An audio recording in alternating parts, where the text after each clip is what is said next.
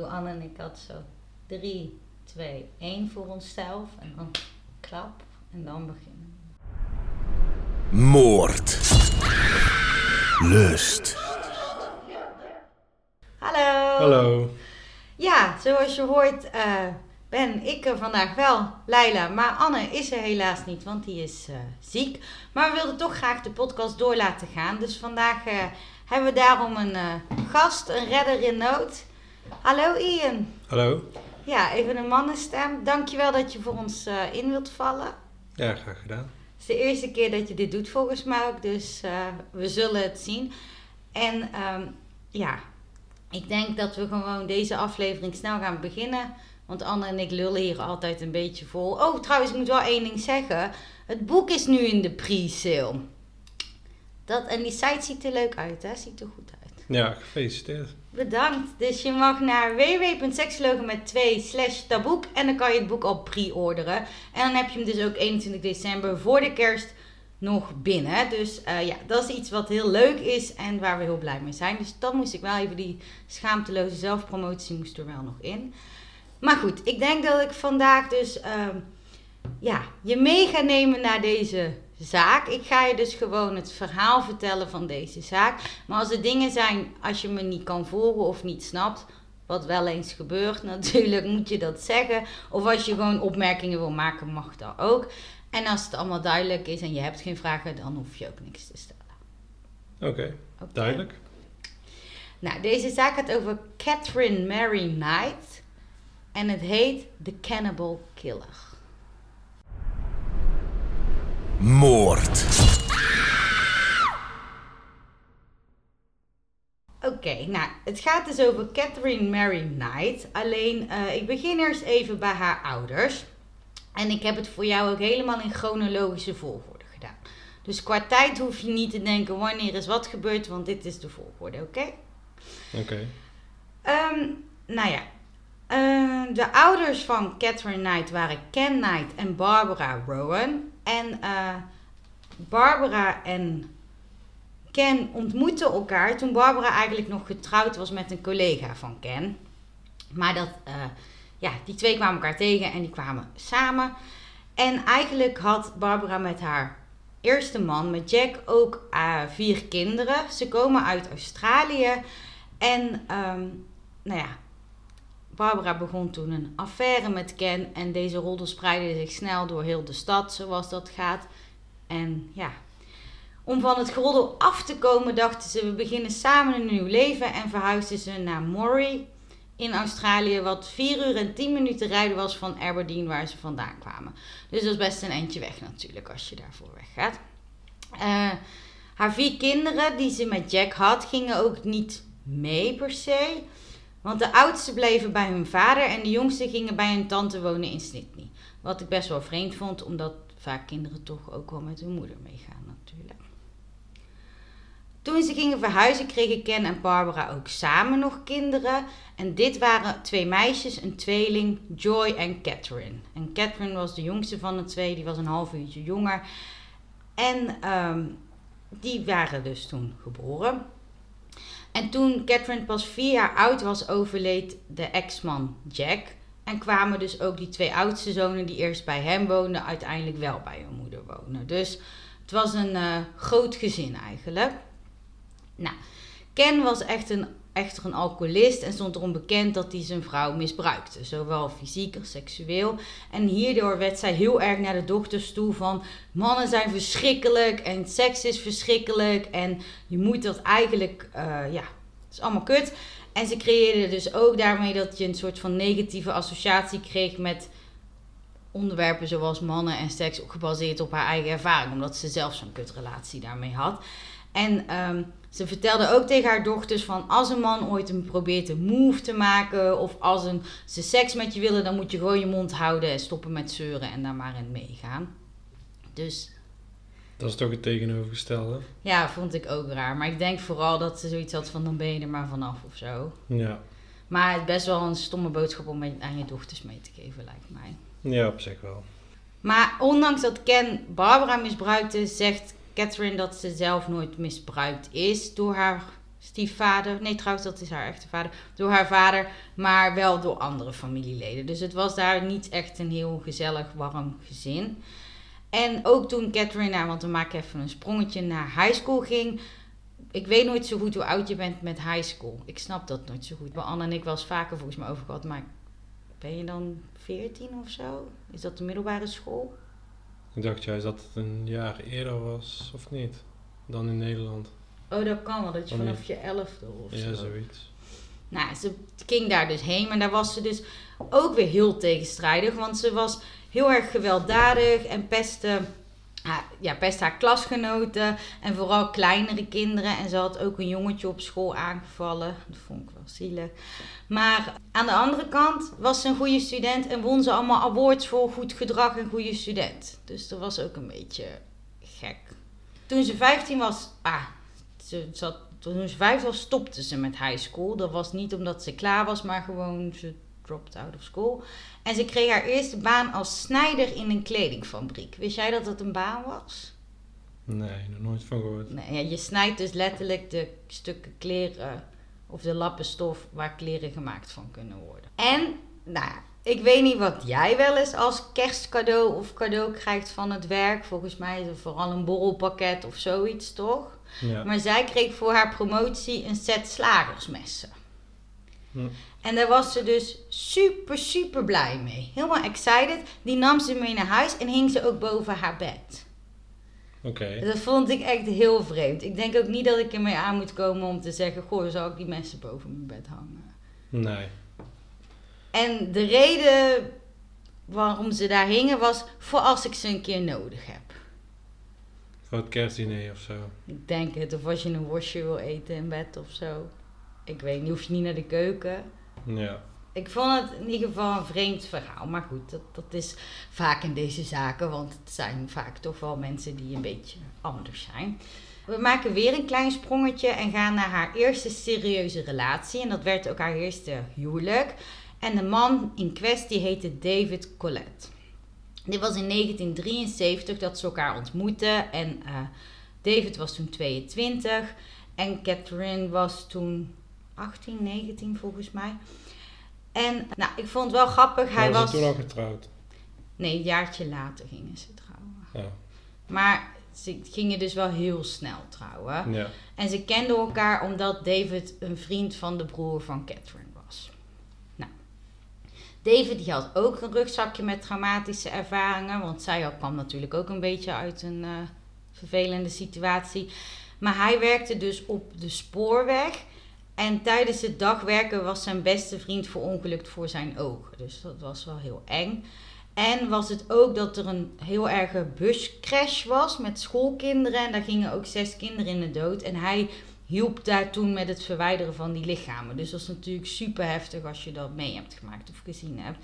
En hierdoor, hij kon daar niet goed mee omgaan, was hij beginnen met drinken. En dronk hij zoveel dat hij ook zijn baan daardoor verloor. Toch zie je vaak hè, dat ze zeggen toch heel vaak dat je iemand zoekt die op een van je ouders lijkt of zo. Ik weet niet in hoeverre dat wetenschappelijk helemaal bewezen is. Maar die vader van Catherine was eigenlijk ook alcoholist. En Ja. had ze ook een alcoholistische man. Maar goed, ze gingen trouwen in 1974, dus een jaar later. En zij was toen 19. En nou ja, dit vond ik wel grappig, maar eigenlijk is het niet grappig. Maar ze kwamen samen op de bruiloft aan op een motor. Maar eigenlijk was hij veel te dronken om te rijden. Voordat hij zeg maar überhaupt op zijn trouwerij was. En hoe dronken hij ook was, zei David dat hij altijd het advies van zijn schoonmoeder kon herinneren. Want de moeder van Catherine had dus tegen hem- gezegd: You better watch this one or she fucking kill you.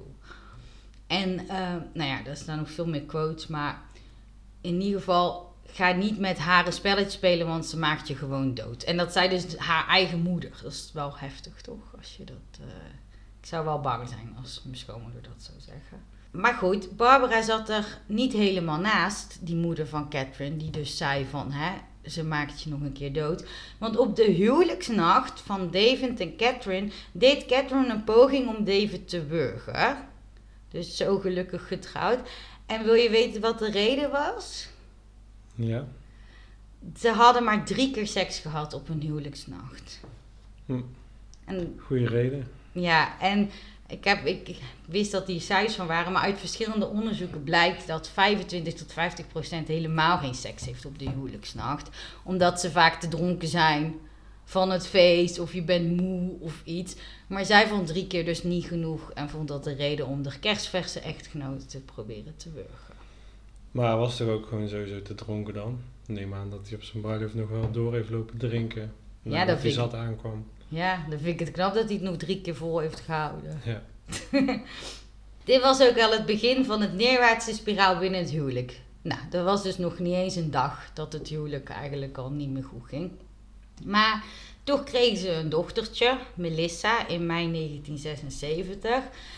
En in die tijd had er dus ook nog iets plaatsgevonden. Ja, ik moet altijd lachen bij zulke dingen, maar als ik dan besef dat er echt gebeurd is, is het niet zo grappig. Maar Catherine had David geslagen op de achterkant van zijn hoofd met een frituurpan. Dat is toch fucking random? Hoe, hoe pak je een frituurpan op? Ik zou dan eerder dan vet over iemand heen gooien. Dan toch echt iemand pijn zou doen. Ja. Bedoel, bedoel je niet gewoon een pan?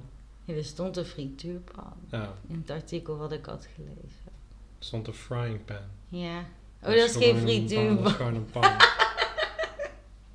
maar oké, ga verder. Nee, oké. ik zat al helemaal met die frituurpan. Ik dacht, hoe kan dat nou? Ja.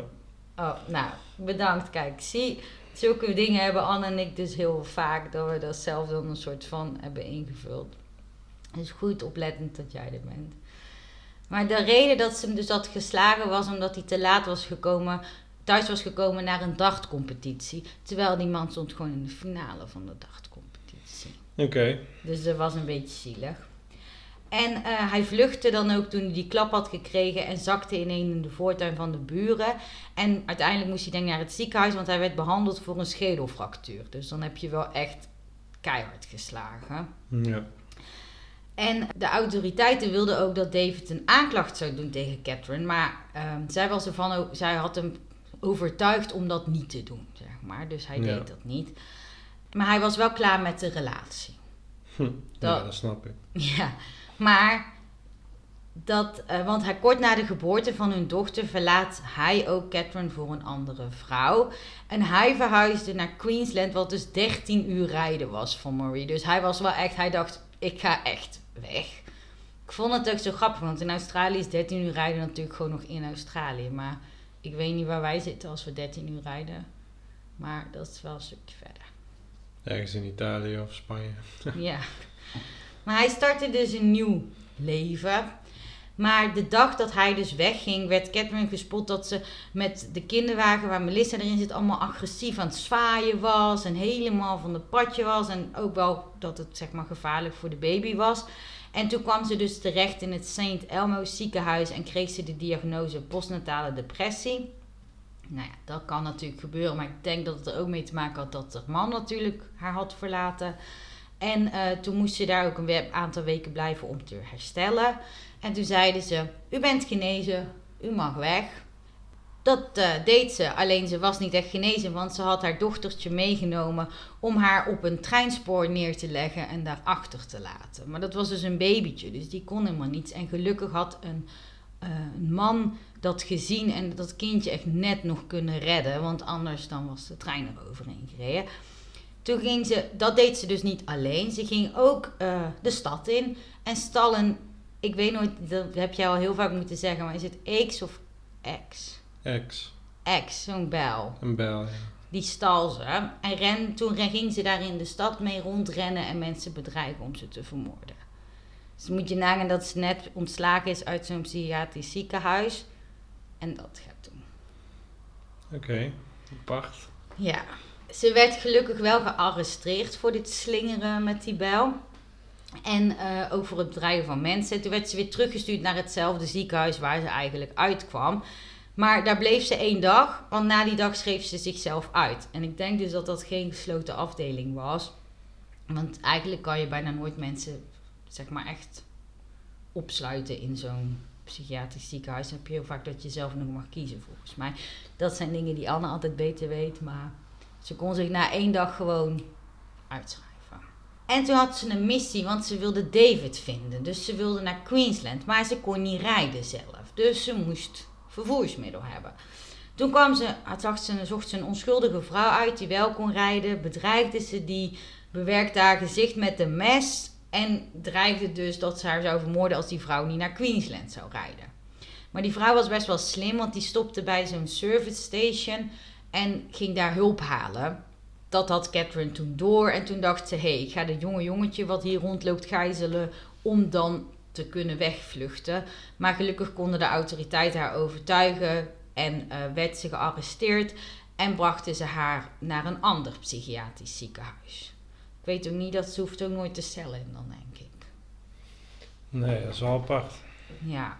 Maar ze onthulde dus aan de verpleegkundige die daar werkte dat haar plan was om een van de medewerkers die op dat station werkte, dat servicestation werkte, of een soort garage, te vermoorden.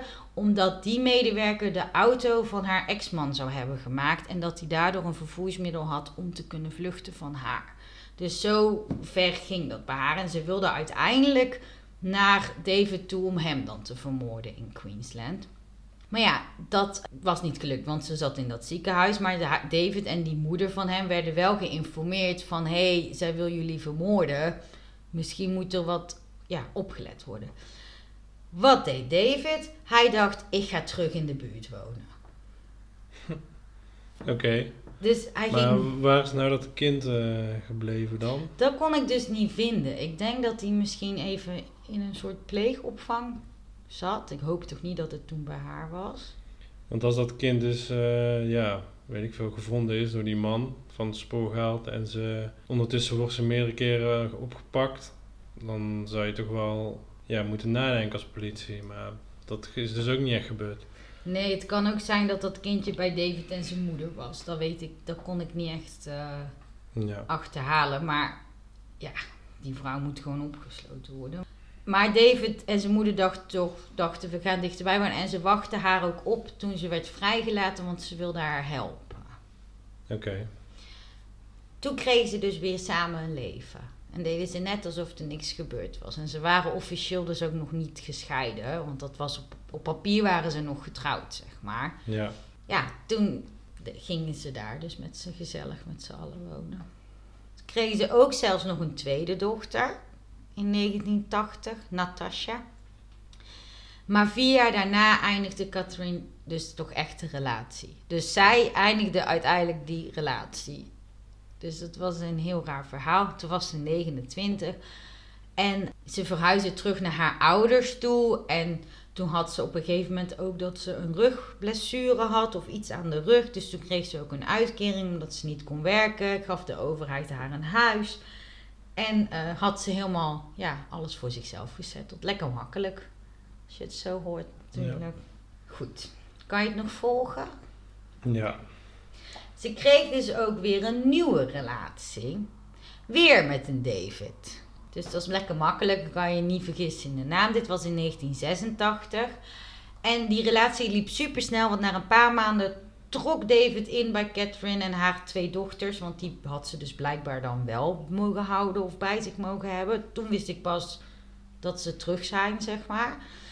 En um, hij was wel slim, want hij hield wel zijn eigen appartement ook nog aan voor de zekerheid. En het was ook handig, omdat Catherine zo jaloers was en paranoïde dat, dat ze dacht dat hij vreemd ging, dat ze hem soms ineens uit het huis trapte. Dus dan was het voor hem handig dat hij een appartement had, maar ook niet echt een gezonde relatie natuurlijk. En toen kwam er een stukje en ik moest daar toen ik deze zaak aan het uitzoeken was bijna om huilen. En dat heb jij al gezien. Maar in, in mei 1987 had David dus een twee maanden oude puppy. Twee maanden in, zo schattig. En Catherine sneed de nek van die puppy door. En dat deed ze voor David's neus, omdat ze zei: Als je ooit vreemd gaat, dan doe ik dit met je. En daarna sloeg ze hem classic met de pan. Oké. Maar het is toch zielig? Ja, en David blijft er zeker weer bij, of wat? Nou, mijn volgende zin is: Ik snap niet dat er nog iemand een kind met haar wil, maar ook deze David, met deze David kreeg ze een kind. Oké, heel vaag. Dat is toch gek? Ja. Er gaan toch alle alarmbellen, zou je denken, wel rinkelen. Ja. Sorry hoor, maar als iemand dat met mijn puppy zou doen. Je hebt je net eh baby hondje zijn nek doorgesneden, maar dan kun je dus wel nog ja, je kind laten verzorgen door zo iemand. Heel raar. Ja, ik zou ook kei bang zijn als je die alleen laat met een baby. En ook, ik weet niet of die wist wat, die met haar eerst, wat ze met de eerste baby had gedaan met de treinspoor. Ja. Maar goed, ze kregen een dochter, Sarah, in 1988 en ze kochten daarna ook een huis samen. En Catherine had dat ook wat interessante design ideeën. Overal in dat huis, ja, ik vind het echt na gingen dierenvellen, schedels, machetes, harken, hooivorken, horens en dierenvallen. En dat lijkt me heel gevaarlijk ook met baby's, want je moet al met kinderen opletten op de hoekjes en dat de kassen niet van de muur afvallen. Maar als er dan van die dierenvallen liggen, weet ik ook niet of dat heel veilig is. En elk stukje van die ruimte hing er ook vol mee, zeggen mensen die daar wel eens binnen zijn geweest. Zelfs het plafond. Dus mijn idee om een blauw plafond te schilderen is helemaal niet gek als je dit hoort. Want dit is dus, dan, kijk, dan slaap je en dan kijk je naar boven en hangen daar lekker allemaal schedels en zo gezellig. Maar goed, uiteindelijk kregen ook deze David en Catherine ruzie. En sloeg ze hem dit keer met een strijkijzer in zijn gezicht. En eh, stak ze in, met een schaar in zijn maag. Uh, na dit gevecht wist David gelukkig uit huis te komen. Liet hij zijn dochter achter. En uh, was hij dus volgens mij wel toen tot het besef gekomen dat dit niet helemaal de bedoeling was. En toen kwam hij ook de, een dag of een andere dag thuis om zijn spullen op te halen. En toen kwam hij erachter dat ze al zijn kleren kapot had geknipt. Dat kon ze natuurlijk heel goed omdat ze in die kleding dingen heeft gewerkt, denk ik. Ik weet het niet. Maar daardoor werd hij nog banger. En ging hij zichzelf, zeg maar, schuilhouden. Maar zij bleven maar zoeken. Maar gelukkig vertelden de personen die wisten waar hij was niets, niets tegen haar. Dus, maar zo bang dat hij zich dus moest schuilhouden. En op een dag dat David zijn dochter ging bezoeken, ik denk omdat hij dan bij die grootouders of zo was, kwam hij erachter dat Catherine tegen hem een AVO heette, een, een Apprehended Violence Order, dus een, wat heet dat, een, het heet in het Nederlands een soort straatverbod of zo, ik weet niet precies hoe dat, dat heet, maar dat zij dat tegen hem had staan, dat hij dan gevaarlijk voor haar zou zijn. Dus dat was lekker ironisch, ironisch en ook natuurlijk dat... Uh, dat dan geloofd werd gelijk door de politie, want dat komt toch vaak voor. Maar dit was dus wel het einde van die relatie. Nou, hou je het allemaal nog bij? Ook ze heeft dus nu drie kinderen met twee mannen. Maar we gaan in 1990 nu en nu ontmoet ze weer een nieuwe man. David. John. Oh. John Chillingworth. Ze hebben een driejarige relatie en krijgen wederom... Een baby. Ja, dat is al de vierde. Hm. En uh, dit is een keer een jongetje, Erik. Maar de relatie eindigt omdat Catherine een affaire heeft met een andere man. En die heet weer John. Dus ze heeft David David gehad en heeft ze John John. Dus ik weet niet. Hoe oud was ze nou intussen? Ze was nu dan. Kijk hoor, 1990 en ze is in vijf, Ze was nu 35. Oké, okay, ja, dat kan allemaal nog wel dan. Ja, maar ja, het is allemaal wel vlug achter elkaar. Ja, John Price is de man van de affaire nu. En daar gaat ze mee verder. Want die andere John vond het niet zo'n feest volgens mij dat ze een affaire had. John Charles Thomas Price werd geboren op 4 april 1955, dus ze waren even oud. Hij had drie kinderen en werd beschreven als het type man die iedereen aardig vond. En zijn vorige huwelijk was geëindigd en uh, zijn dochter bleef bij zijn ex-vrouw wonen en de twee andere kinderen kwamen bij hem wonen. Ik vond dat ook altijd, dat is toch vaak in Nederland niet zo, dat een van de kinderen dan bij de een gaat wonen en de andere van de kinderen bij de ander. Het is toch vaker dat je gewoon co-ouderschap hebt bijvoorbeeld. Ja, maar als je daar vier uit elkaar woont. Ja, oké, dat is trouwens, ja oké, dat is waar. Ja, dat is misschien wel zo. Maar na het daten besloot Catherine om bij deze John in te trekken. Want je kan maar niet snel genoeg samen gaan wonen natuurlijk. Dit is sarcastisch. Dit was in 1995. En uh, toen ze bij, ze bij hem in ging wonen, was John dus op de hoogte van dit verleden. Dit gewelddadige verleden. Nou, ik zou echt heel hard zijn weggerend als ik dit zou weten. Maar hij vond het blijkbaar niet echt een groot probleem. Zou jij dat hebben gedaan? Nee, zeker niet. Misschien is hij zelf ook wel zo dan. Ja, het leek in het begin allemaal goed te gaan. En het leek of ze een heel goed, fijn leven samen hadden opgebouwd.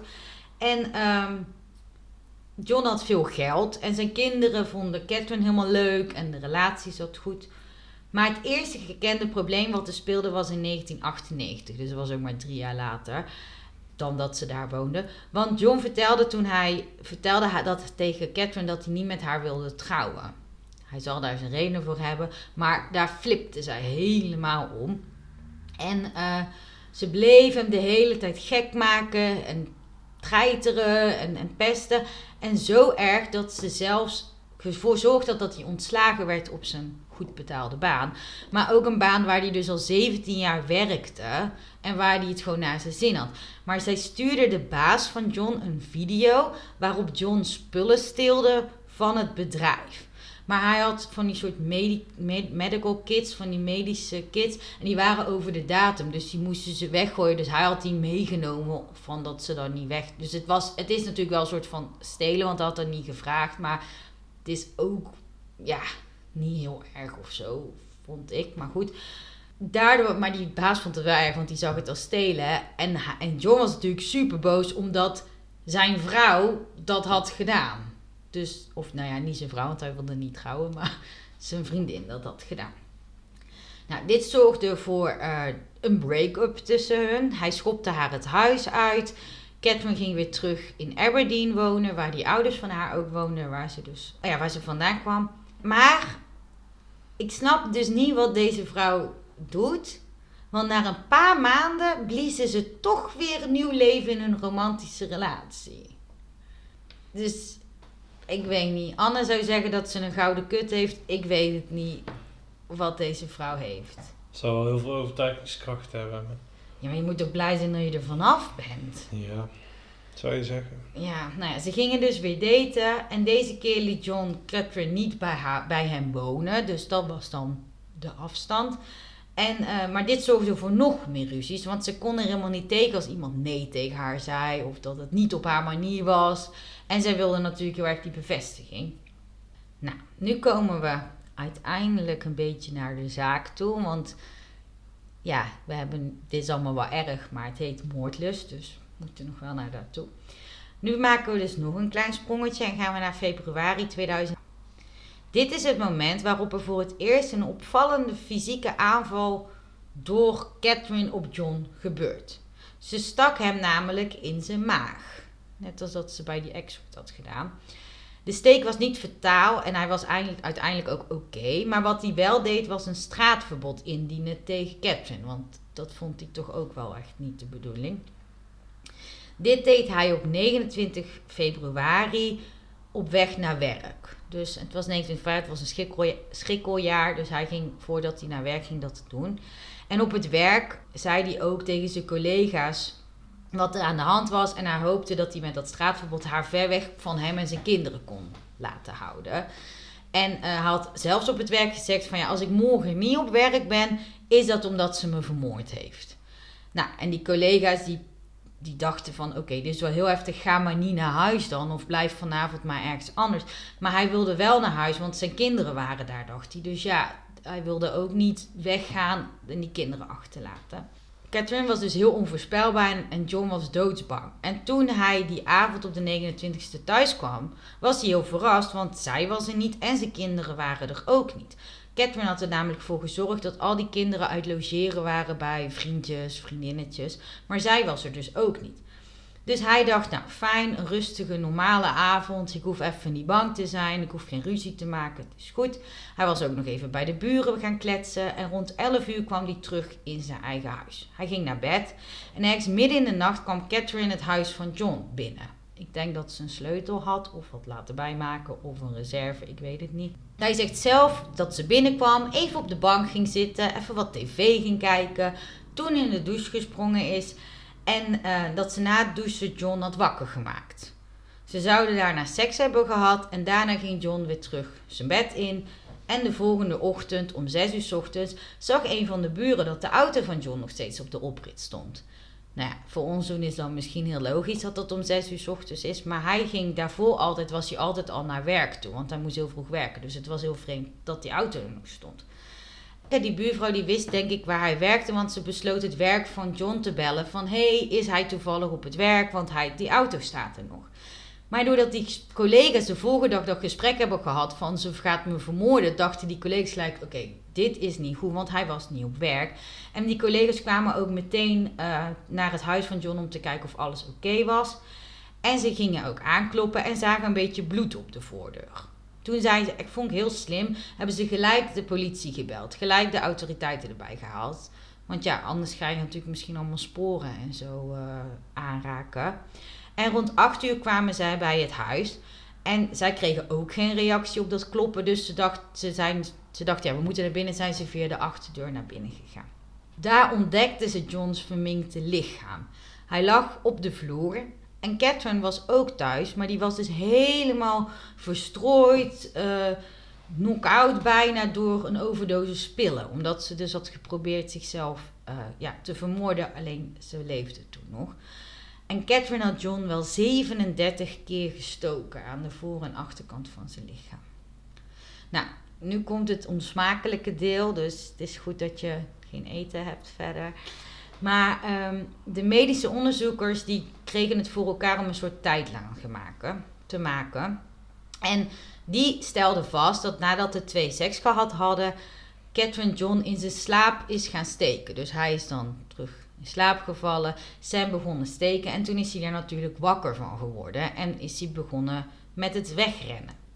Nou, hij is dus door het huis gaan rennen in de hoop van haar te kunnen ontsnappen, maar ze bleef hem achtervolgen en ze bleef hem steken. En ze denken zelfs dat hij eigenlijk wel op enig moment het huis uitkwam. Vandaar het bloed op die voordeur.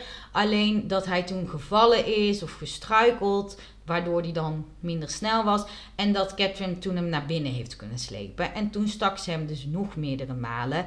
En liet ze hem bloedend op de grond liggen. En nou ja, die politie beschreef ook dat dit zo'n uh, crime scene was of zo'n plaatsdelict was, die je nooit van je netvlies afkrijgt. Omdat er overal bebloede handen stonden en zo. Echt zodat je het in een horrorfilm zou zien, omdat ja, hij natuurlijk wilde vluchten. Toen John dood was, verliet zij het huis. Catherine ging ze even pinnen. Pinde ze 1000 dollar cash. En ging ze terug naar het lichaam. Ik weet niet waarom. Ging ze terug naar huis, bedoel ik. Terug naar het lichaam. En toen ze thuis was, ik vind dit echt vies. Maar toen ze thuis was, veelde Catherine het lichaam van John. En ze veelde heel zijn lichaam. In, en dat deed ze ook in één stuk. Dat is blijkbaar heel knap om dat in één stuk te doen.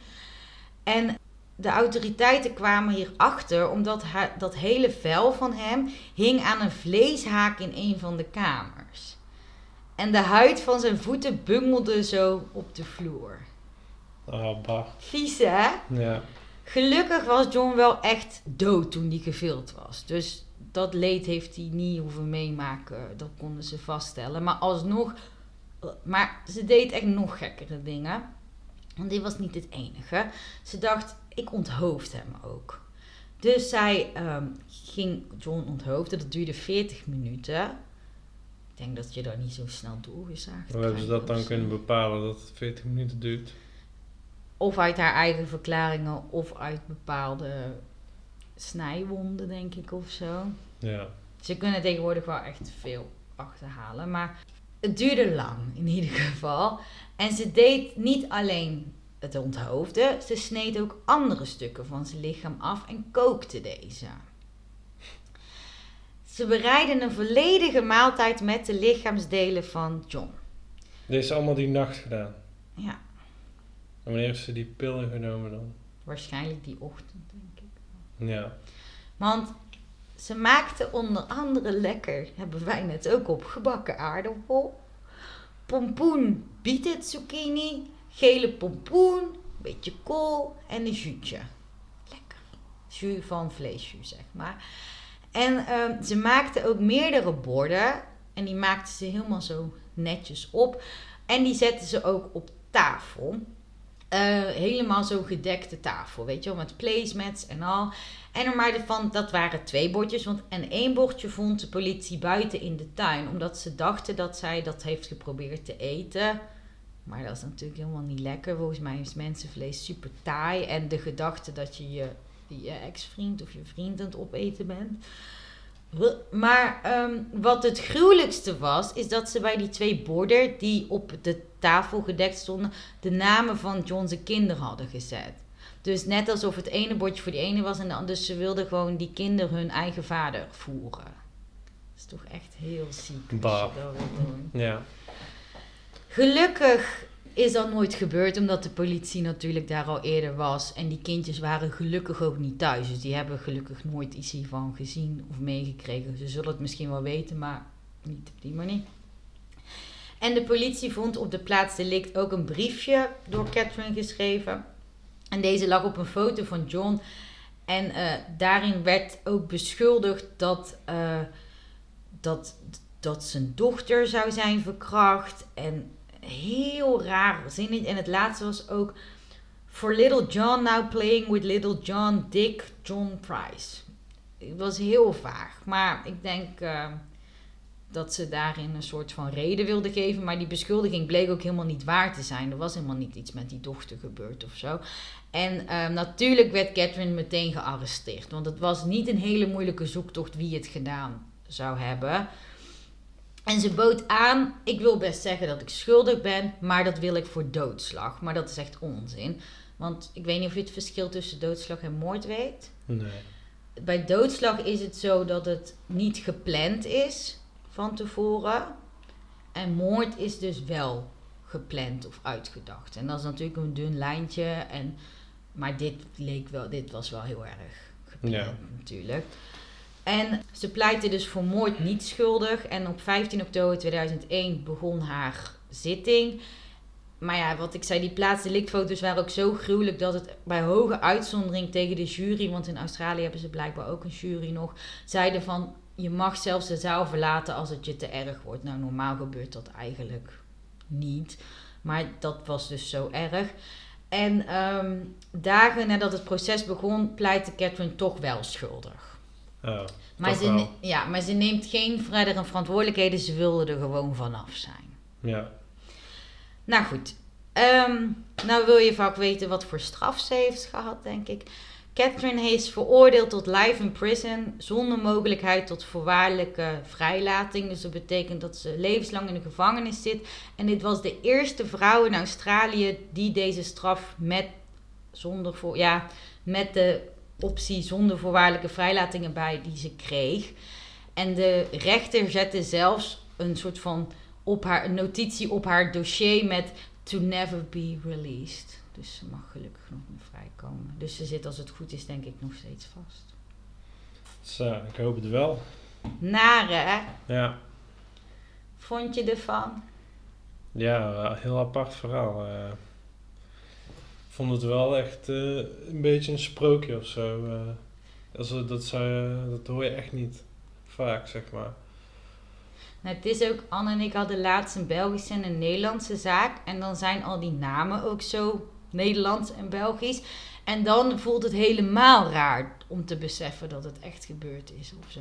Ja, En dat heb ik hierbij ook hoor. En, en soms maken we er natuurlijk grapjes en zo over. Maar dat is, we weten allemaal dat het niet grappig is. Maar het is wel gek dat dus ook met dat villen en dat cannibalisme, dat dat dus... En dat was in 2000. Dat was natuurlijk wel 21 jaar geleden. Maar ook weer niet, net als in de jaren, weet ik veel. nou toch gek eh, dat dat zo is, want het is helemaal niet alsof ze... Ja, ik, je weet het niet zeker, want die informatie heb je niet. Maar het is helemaal niet alsof ze dan graag ging jagen of zo. Of is dat wel zo? Nee, weet ik Want niet. Waar komt zoiets dan weer vandaan? Ja.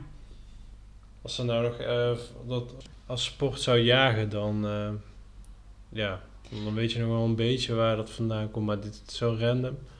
Maar wat het wel is, ze zeggen heel vaak bij. Nou is zij geen seriemoordenaar, maar had ze dat best kunnen worden, denk ik. Maar bij seriemoordenaars zeggen ze ook vaak dat het begint dat ze in hun jeugd dieren vermoorden.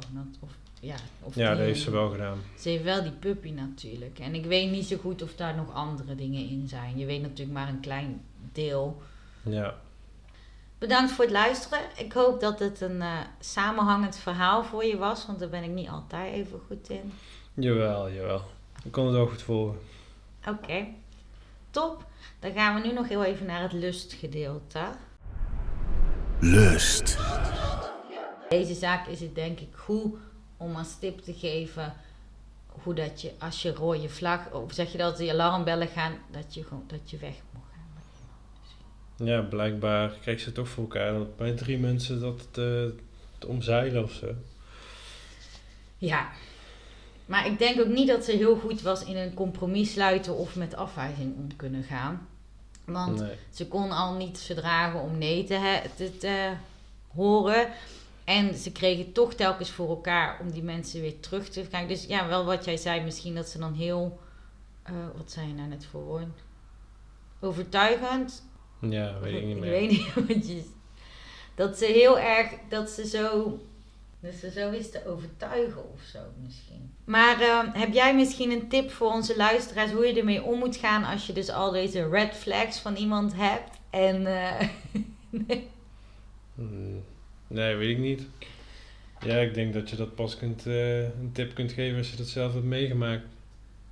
ja, oké, maar als je eh, als iemand jou zou een schedelfractuur zou slaan met een pan, Ja, dan zou je het sowieso gelijk uitmaken, net als die man doet. En aangifte doen, maar... Ja, dat, het gekke is, die mannen deden dat alsnog wel, zeg maar. Ze, die ene heeft volgens mij wel gewoon... Ze hebben wel met een relatie beëindigd, maar... Op de een of andere manier kwamen ze dan toch nog weer bij elkaar. Heel gek. Ja. Het kan misschien ook zijn omdat ze met veel van die mannen natuurlijk kinderen had. Dat ze dan dachten dat dat een goede reden was om bij elkaar te blijven. Maar Ja, of misschien was ze wel manipula- manipulatief of zo. ja, dat zal ze zeker ook geweest zijn. Ja, ik denk ook dat het voor deze zaak heel lastig is om een, eh, echt tips te geven. Maar ik denk dat het vooral belangrijk is dat als er zulke gewelddadige incidenten zijn... of je hebt het gevoel dat er heel veel red flags zijn of alarmbellen die gaan rinkelen... praat er alsjeblieft ook met vrienden en familie over. Want die staan er vaak wat net wat verder vanaf... en die kunnen je dan echt wel zeggen dat dit niet helemaal normaal gedrag is. En ben lief voor puppies. Oké, nou, dankjewel Ian dat je vandaag eh, te gast wilde zijn... en dat je even Anne wilde vervangen. Ja, graag gedaan. En ehm, nou ja, mochten jullie nog tips hebben of andere zaken waarvan je denkt: hé, hey, dat lijkt me leuk om een keer op Moordlust te horen, dan eh, doe dat zeker. Laat dat weten. Stuur een berichtje op onze Instagram, seksuologen met 2. Vergeet niet ons boek te bestellen. En ehm, dat was hem. En dan denk ik dat Anne volgende week wel weer terug is. Maar eh, we weten je te vinden als we je nodig hebben. Dat is goed. Oké, doeg! Doei!